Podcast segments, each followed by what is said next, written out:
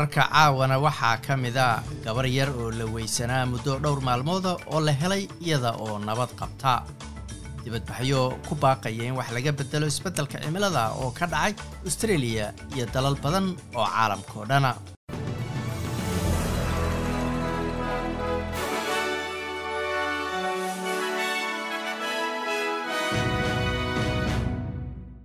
ilmo yar oo lagu la'aa koonfur bari tasmania maalmihii u dambeeyey ayaa iyadoo nool oo bad qabta la helay. Booliska tasmania ayaa xaqiijiyey galabta oo jimco ahayd in shayla philips oo afar jir ah la helay. Faahfaahimo dheeraad ahna lagama bixin daruufaha iyo sida loo helay laakiin booliska ayaa sheegay inay aad u fiican tahay gabadhani lana geeyey cisbitaalka magaalada hobart si markaasi xaaladeeda guud loo qiimeeyo. Adeegyada deg dega ee gobolka new south wales ayaa ka codsanaya dadka degan deegaamada daadadku ay saameeyeen inay isaga fogaadaan meelaha daadadku ka socdaan. Kadib markii boolisku xaqiijiyey geerida nin ku dhintay waqooyiga gobolka new south wales. Ninkan oo toddobaatan iyo laba jir ahaa ayaa lagu waayey coldale habeenkii khamiista ahayd. Madaxa adeega deg dega ee new south wales steve patterson ayaa sheegay in dhimashada ninkan ay xasuusin u tahay dadku inaysan dhayalsan khatarta daadad ku keeni karaan. Boqolaal arday oo iskuuleya ayaa isugu soo baxay bannaanka hore ee aqalka ra'iisul wasaaraha dalkan australia uu ka degan yahay magaalada sydney. Tan oo qeyb ka ahayd maalinta loo bixiyey maalinta caalamiga ee isbeddelka cimilada oo lagu dalbanayo in wax laga qabto isbeddelka cimilada. Dibadbaxan oo ka dhacay aqalka ra'iisul wasaaraha ee kiribili la yidhaahdo ayaa qeyb ka ah tallaabo wadajira oo ka dhacay afartan iyo shan magaalo oo adduunka oo dhana iyo xaafada kala duwan taasoo loogu baaqayo dowladda federaalka gaar ahaan dalkan australia inay maalgelinta ka leexiso mashruucyada gaaska iyo dhuxul dhagaxa una wareejiso maalgelintaasi tamarta nadiifka ee la cusboonaysiin karo. Mid ka mida dibadbaxayaasha ela dwyer oshlag ayaa sheegtay in qoyskooda gurigoodii ay ku waayeen daadadkii u dambeeyey.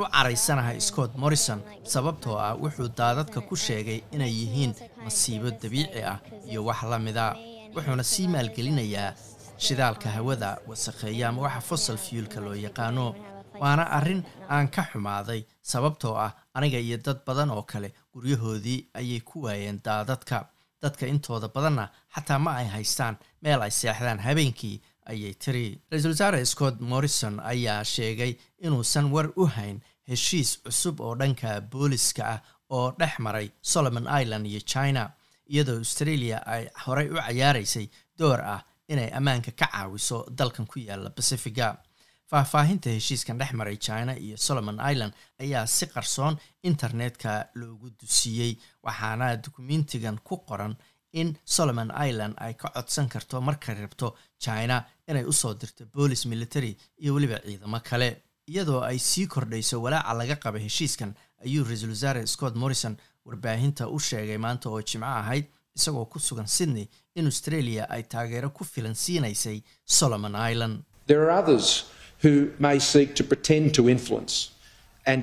waxaa jira kuwo kale oo isku dayaya inay saameyn ku yeeshaan ama saldhig ka samaystaan solomon island iyo dalalka pacifica waana la soconaa waana sababtaastaan solomon island ula shaqaynaynay khatartaasna kama maqna meesha ayuu yiri jacki lambi oo ah xildhibaanad madax bannaan ayaa sheegtay in ra'iisul wasaare scott morrison uu u cagajugleeyey una hanjabay mar ay heshiis ka gaareen sharcigii medivag loo bixiyey labada kun iyo sagaaliyo tobankii. Senataradan laga soo doorto tasmania ayaa sheegtay in maer morrison uu ku yiri inay xabsi geli doonto haddii ay faahfaahinta heshiiskan cid la wadaagto.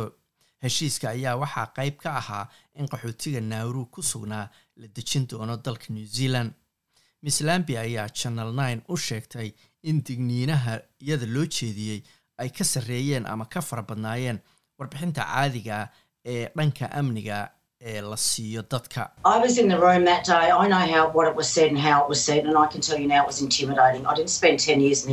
Qolka ayaan maalintaas ku sugnaa waana ogahay waana la socdaa wixii la yiri waana idiin sheegi karaa inay cagajuglayn ahayd toban sano ayaan ciidanka ku jiray.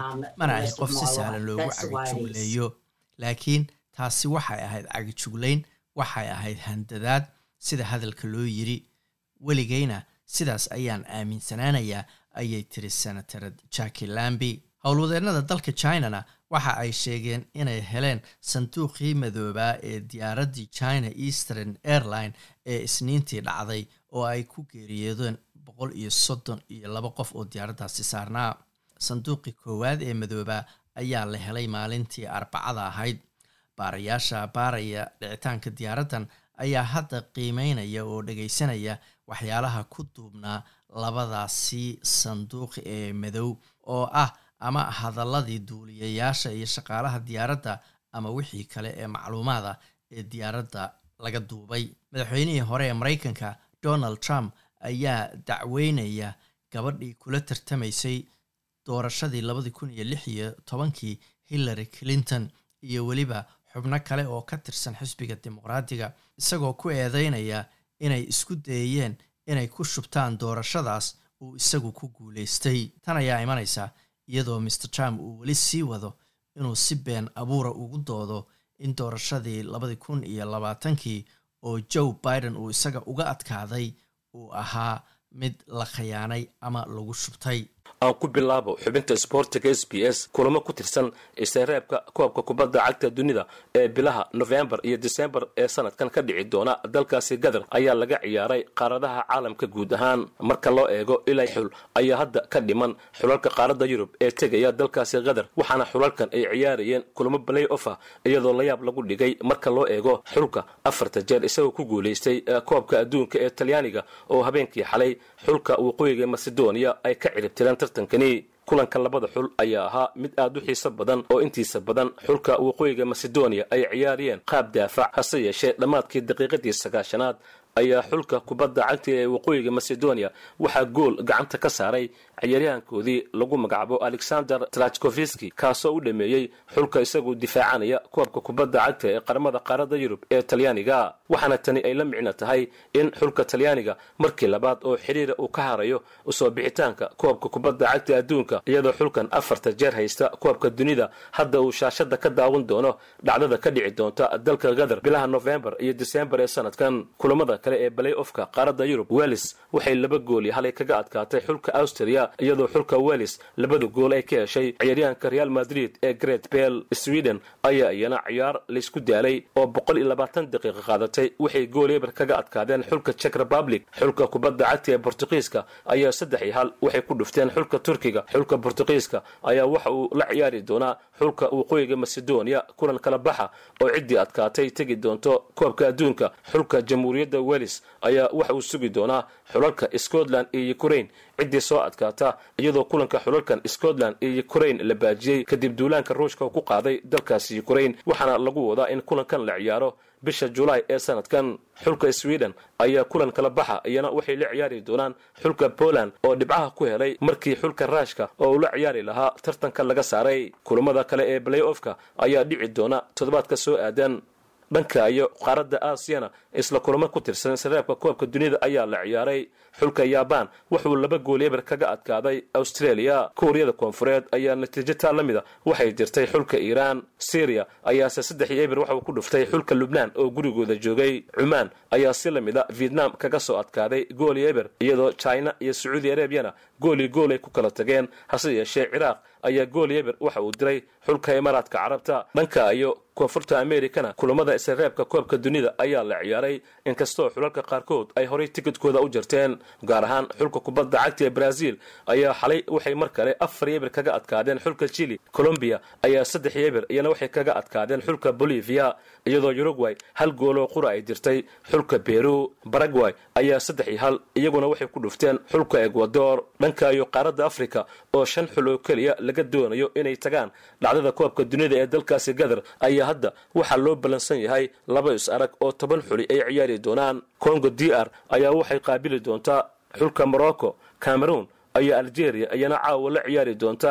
Mali waxay martigelin doontaa xulka tunisiya halka masar ay senegaal sugi doonto. Gaanana waxay martiqaadi doontaa xulka nigeria. Is-aragga kale ee kulamadan ayaa isbuuca soo aadan la ciyaari doonaa iyadoo shan xul oo keliya laga doonayo in ay tagaan dalkaasi gadar saadaasha hawada berrita oo sabtiya magaalada beth inta badan waa cadceed soddon iyo lix digrii bayna gaaraysaa.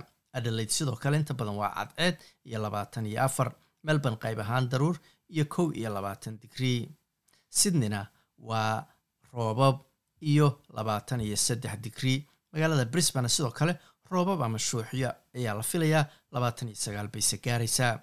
Halkii australian dollara maanta waxaa lagu sarrifayay toddobaatan iyo shan senti oo lacagta maraykanka ah